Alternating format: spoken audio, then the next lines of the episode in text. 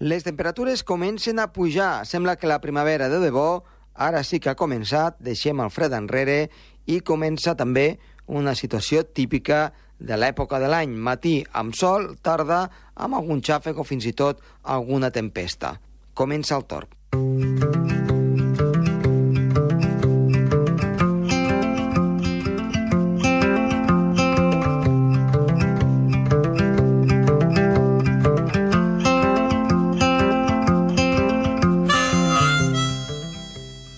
Doncs en l'inici del torn parlarem, com no, de les temperatures, de la meteorologia, amb, amb el nostre company amic, en Gerard Tauler.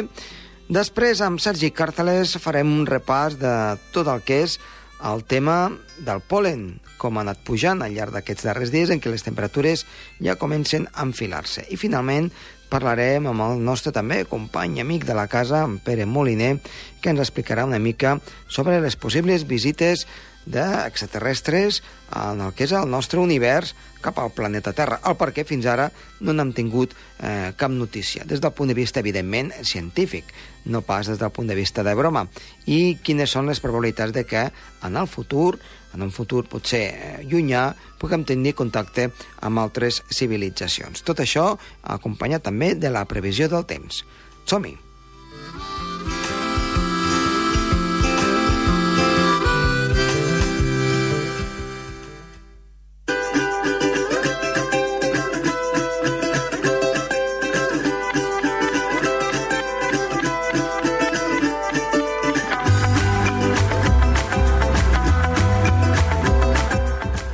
Arrenquem el programa amb Gerard Tauler, el qual doncs, ens parlarà una mica de, del que està sent una mica aquesta primavera, amb el sentit de que eh, està fent eh, una mica de fresca, la sensació no és encara de calor, parlarem de les sensacions tèrmiques. Bon dia, bo, bé, bona Hola, tarda. Bon dia, Josep Tomàs. Bona tarda ja, Gerard Tauler. Eh, parlarem just, justament d'això, no? de, la, de la sensació tèrmica.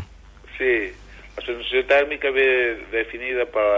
Hi ha, hi ha diversos factors que influeixen, que són la temperatura en primer lloc, que és l'essencial, la humitat relativa, el vent, i, clar, la, la radiació solar el que fa és augmentar la, la sensació de calor, mentre que el vent rebaixa la sensació de calor de determinable temperatura. Es pot tenir sensació de, de, de benestar amb 10 graus i, i en canvi amb 18 graus pot tenir sensació de fred. Amb 10 graus es pot tenir sensació de, de, de, calor, de, de benestar, si, si, si fas una activitat física important Mm. i, i fa sol i no fa vent, i amb 18 graus si plou i fa, fa vent, es pot tenir sensació de fred. déu nhi I es, per tant, no té tant a veure la temperatura amb el que es barregin aquests ah, sí elements. és important la temperatura, però influeix això, la, la, la velocitat del vent, com més important és la velocitat del vent, més sensació de fred, i la radiació solar que augmenta la sensació de benestar o, o de calor si, si, si, si superen els 20 graus. Mm, que és una mica el que hi hauria, uh, per exemple, l'estiu, no? Quan parlem de les xafogors... Sí, l'estiu, clar, amb humitat relativa alta i la radiació solar és alta, doncs es té molta sensació de calor. Uh -huh. I, amb, I a l'hivern, doncs, amb, amb les ventades i el tor, doncs, clar, temperatures baixes, vents I, forts... El fred doncs, pot, pot provocar congelacions i hipotèrmia i, i potser I, terrorífica. Sí, sí. I a vegades doncs, eh, tenim, per exemple, en costa, en les, a les costes aquestes que estan més cap a la zona de, de Sibèria, eh? que hi ha uni, humitats elevades, temperatures més, molt baixes i vents, i vents, que, i vents forts. Eh, Com, com, com ho fem, això? La sensació de fred és molt important. Perquè, clar, a més a més, si, si es suma la, la humitat, no? Sí, sí, sí. sí, arri arriba un moment en què aquesta humitat, tu ja ho saps, no?, a les zones de costa, eh, sobretot a l'hivern, que se't fica el fred dins, amb, a partir de quina temperatura, més o menys, no? Això ja ho podem notar. Per damunt dels 20 A graus... partir de 10 graus la, Sí. la, la sensació de, de, de fred es considera, ha, hi ha les taules de wind chill. La, les taules d'humitat eh, combinades amb la temperatura, això no hi ha cap taula. Però Mhm. Està ben clar que amb una humitat superior al 80% hi ha més sensació de fred que amb 50%. Clar, clar, clar. I per tant això és un factor molt important a tenir en compte a l'hora Sí, sí, sí, sí, sí. de, de tapar-se una mica més o menys, o, sí, o de saber, sí. quan anem a la platja, que és el que ens, ens podem trobar, no? Eh, doncs Gerard, eh, moltes gràcies Molt i t'esperem la setmana vinent. Vinga, fins a la setmana vinent, Josep Tomàs. Adéu-siau. Vinga, adéu, adéu.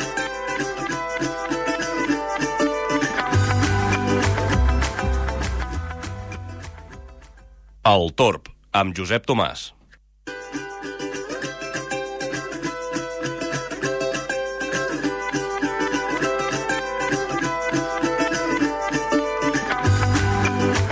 Doncs continuem amb el programa i en aquest cas parlem amb Sergi Càrceres. Sergi, bona tarda. Molt bona tarda. Em, avui suposo que continuem parlant de, del tema de, del pol·len. Està començant a fer més caloreta i em, el fred l'hem deixat una mica enrere. Hi ha encara molta neu a la muntanya, però suposo que això ha de despertar una mica la, la situació per aquests propers dies. No sé com ho tenim, les previsions. Doncs mira, les previsions és que ara mateix encara segueixen una mica en repòs la majoria d'arbres i de plantes, però sí que és veritat que hi ha un arbre, que bé, dos arbres en concret, que en veritat ara mateix estan amb alerta 5 de 5, o sigui, ara estan amb, el, amb el seu màxima, la seva màxima activitat, i estem parlant de l'alzina i del roure, Mhm. aquests quercus, que ara mateix estan doncs, um, proliferant doncs, amb, amb els seus màxims nivells i segurament doncs, és a causa doncs, d'aquest aquest augment de temperatures, no? estem parlant d'arbres que són bastant grans, aquests arbres no havien estat tapats per la neu, perquè tenen alçades que poden arribar fins als 20-25 metres, així que déu nhi de quins arbres estem parlant, i ara mateix doncs, estan amb una alerta 5 de 5, així que hem de vigilar amb, el, amb aquest tipus de, de pol·len, i després hi ha altres arbres que ara estan una mica adormits, com a molt podríem dir que les gramínies ara estan amb una alerta de 3 de 5. Mm, ha pujat una la mica. Única... Sí, sí, és l'única que està amb aquests nivells, que estem parlant d'un nivell intermig, eh, les gramínies, perquè les altres ara estan en nivell 1 o 2. Per exemple, el badó ja està despertant una mica, la parietària, el pi o el plantatge també. El salsa i el xiprer doncs, són uh, uns arbres que ara mateix estan amb alerta 2 de 5 i que de moment estan bastant dormidets. I els fongs, les espores dels fongs també encara estan bastant dormits, així que ara mateix només hem de focalitzar tota la nostra atenció amb l'alzina i el roure, que ara mateix es, estan amb els seus màxims nivells de polinització. Molt bé, doncs ho tindrem en compte per, a, per a aquest cap de setmana i t'esperem doncs, a, al proper dijous. Que vagi molt bé, Sergi. Molt bé, vagi bé. Adéu-siau.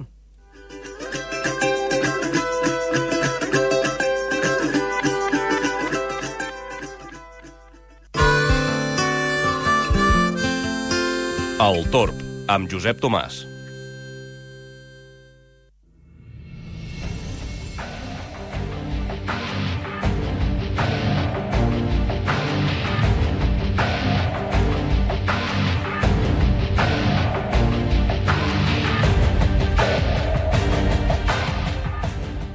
Avui tenim amb nosaltres a Pere Moliner, periodista i amic eh, d'aquí de la casa, que moltes vegades doncs, eh, comentem amb ell mm, moltes eh, de les notícies científiques de, del món, però també de l'espai, de l'univers. I precisament avui doncs, volem parlar una mica més de l'univers, de l'ample que és l'univers, i de, de la possible vida que hi pogués haver i si aquesta vida ens podria visitar o no. Una pregunta que ens han fet doncs, durant eh, molts segles i ara doncs, que ja estem sortint una mica més enllà en l'espai, que pròximament eh, segurament enviarem persones a Mar d'aquí uns quants, uns quants decennis, segurament, eh, doncs és un bon moment per fer-se un bon plantejament del que és el que ens podríem trobar. Pere Moliner, moltes gràcies per estar avui aquí. De res, a vosaltres.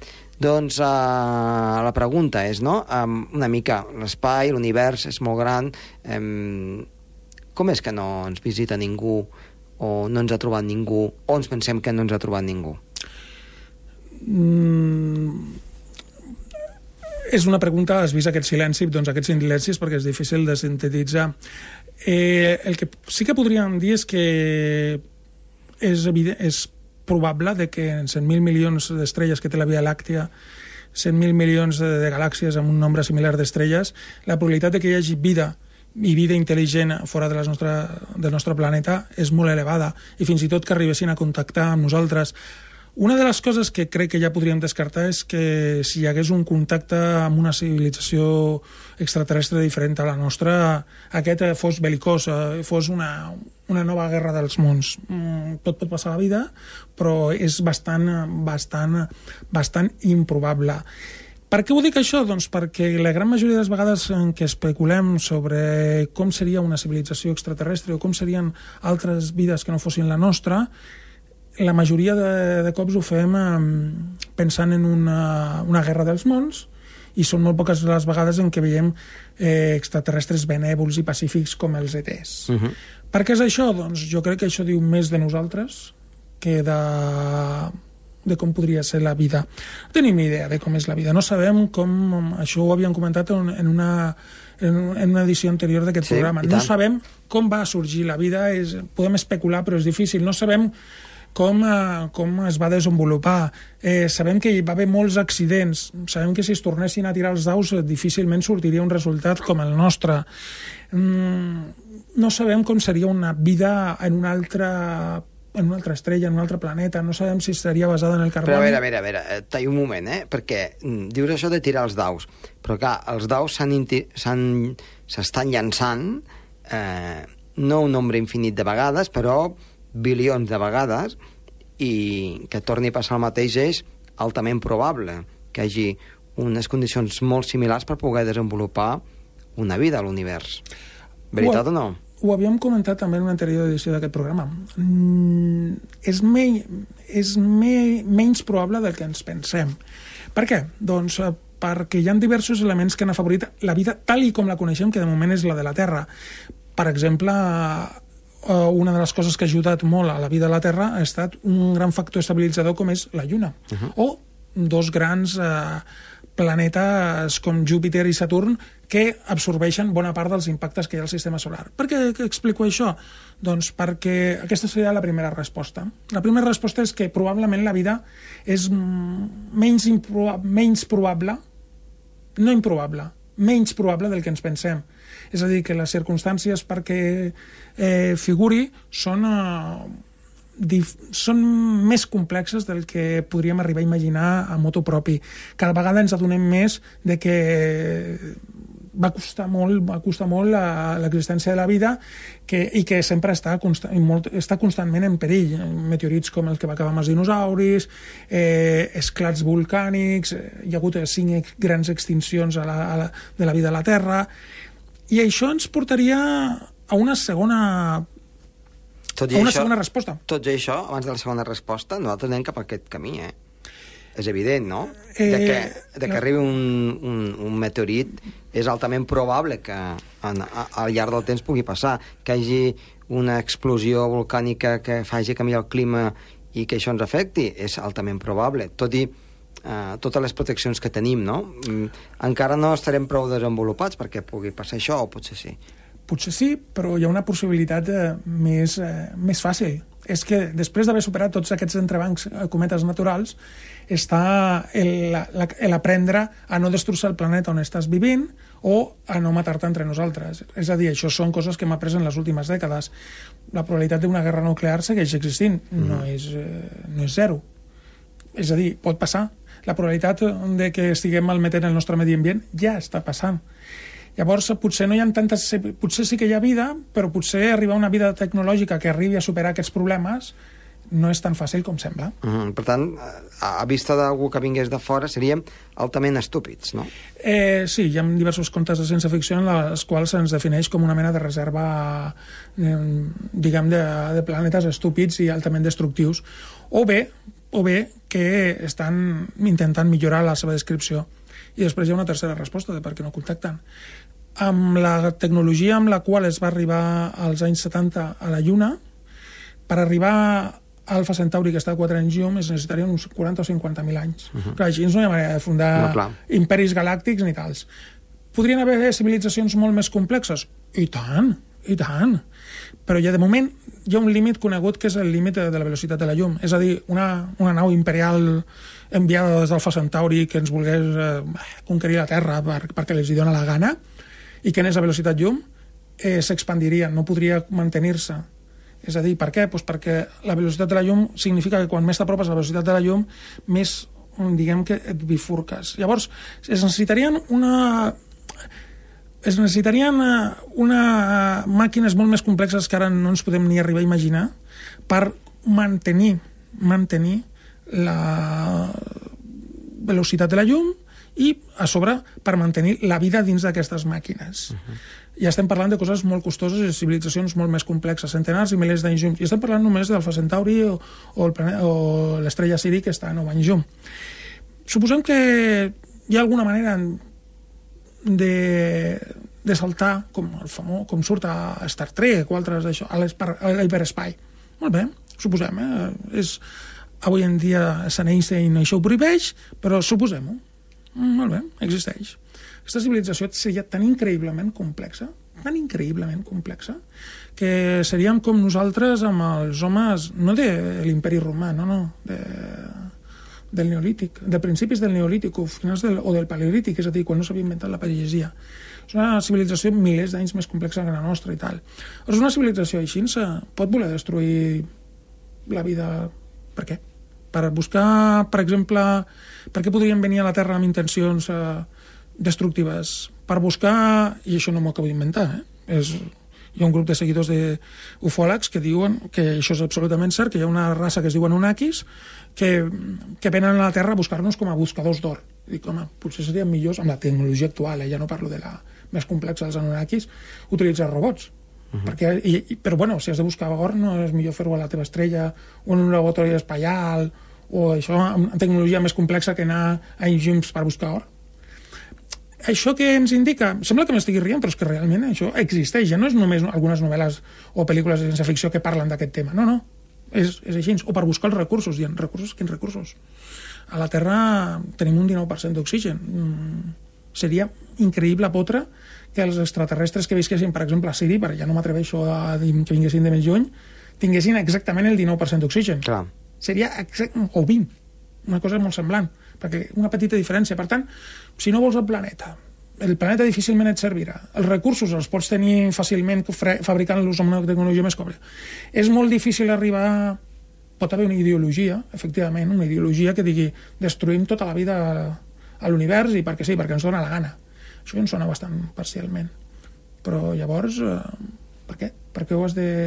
Si realment existís aquesta, mm, nosaltres no hauríem durat ni... Ja hi seríem. Ja no hi seríem. Seria una cosa tan complexa que no, no hi seria.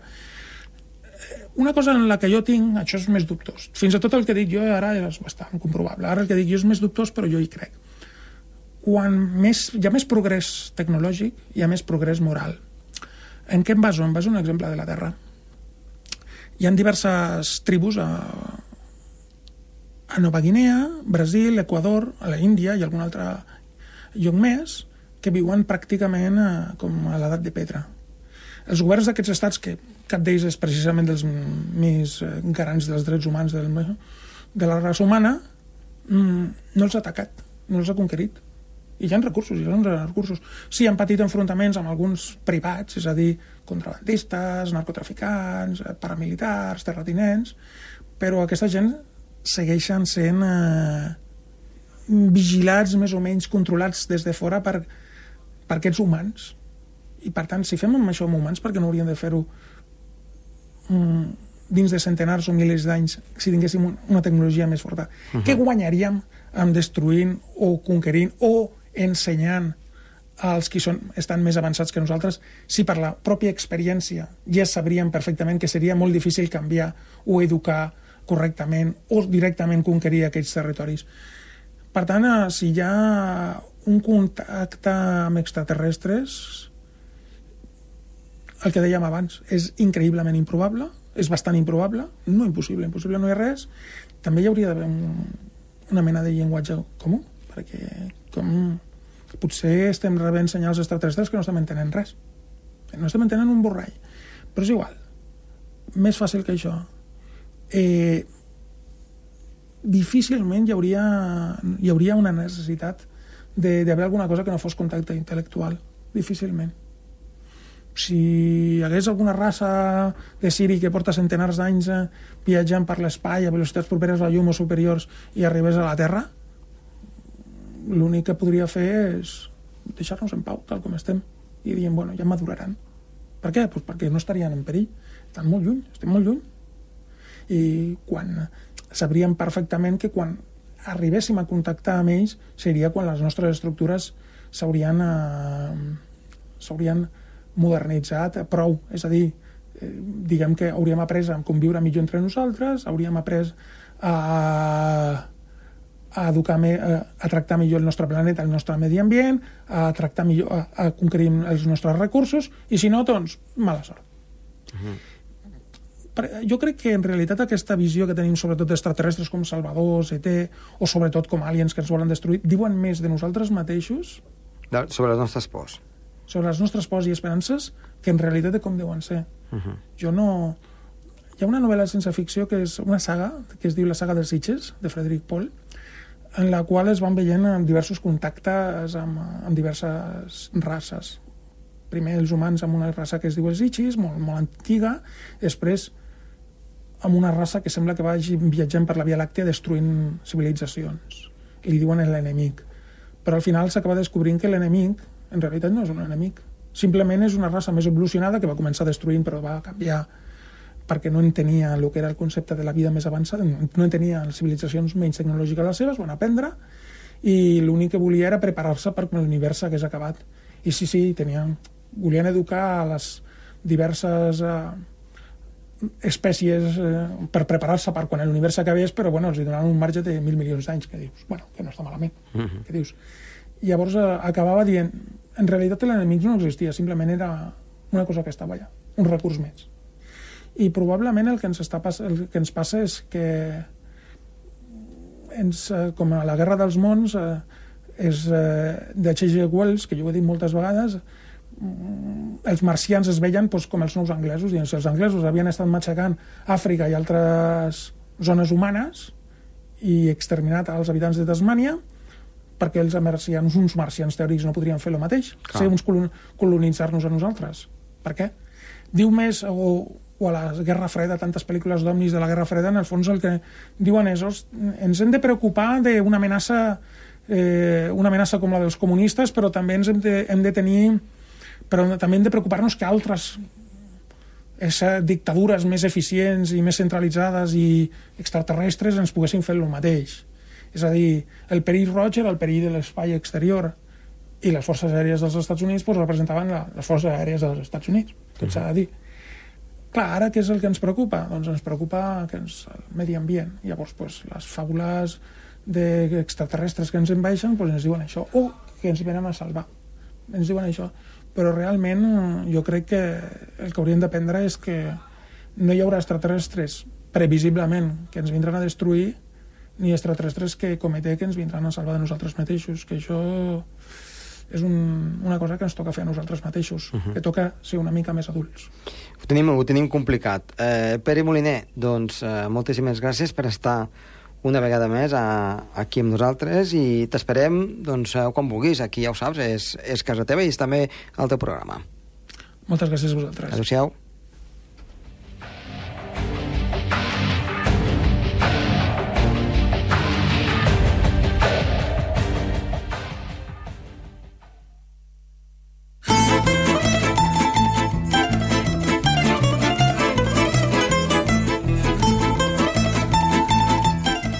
Que fa a la previsió meteorològica, per aquestes properes jornades s'espera una mica de variabilitat. De fet, al llarg de dissabte, al matí més tranquil·litat, amb alguna caltra nuvolada, les temperatures seran agradables, fins i tot una mica caloroses. A l'alta muntanya, a 2.000 metres, es pot arribar als 12 graus tranquil·lament i amb unes mínimes al voltant dels 2 o 3 graus positius. Com sempre, doncs, parlem de eh, l'alta muntanya. Atenció al període de llaus per aquest cap de setmana, que estarà a l'extrem nord de 2, passarà a 3. Encara hi ha molta neu i, per tant, encara que no ho sembli, ja pràcticament estem tocant el mes de juny, encara hi ha la situació de perill de llaus, aquest perill 3 marcat en zones de més de 2.200 metres.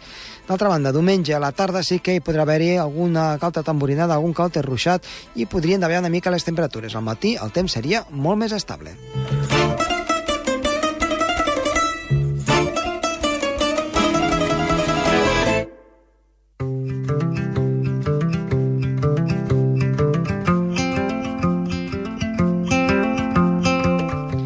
Doncs fins aquí el programa d'avui. Està de les vies de so, Toni Escur, i qui els ha parlat molt de gust, Josep Tomàs. Adéu-siau.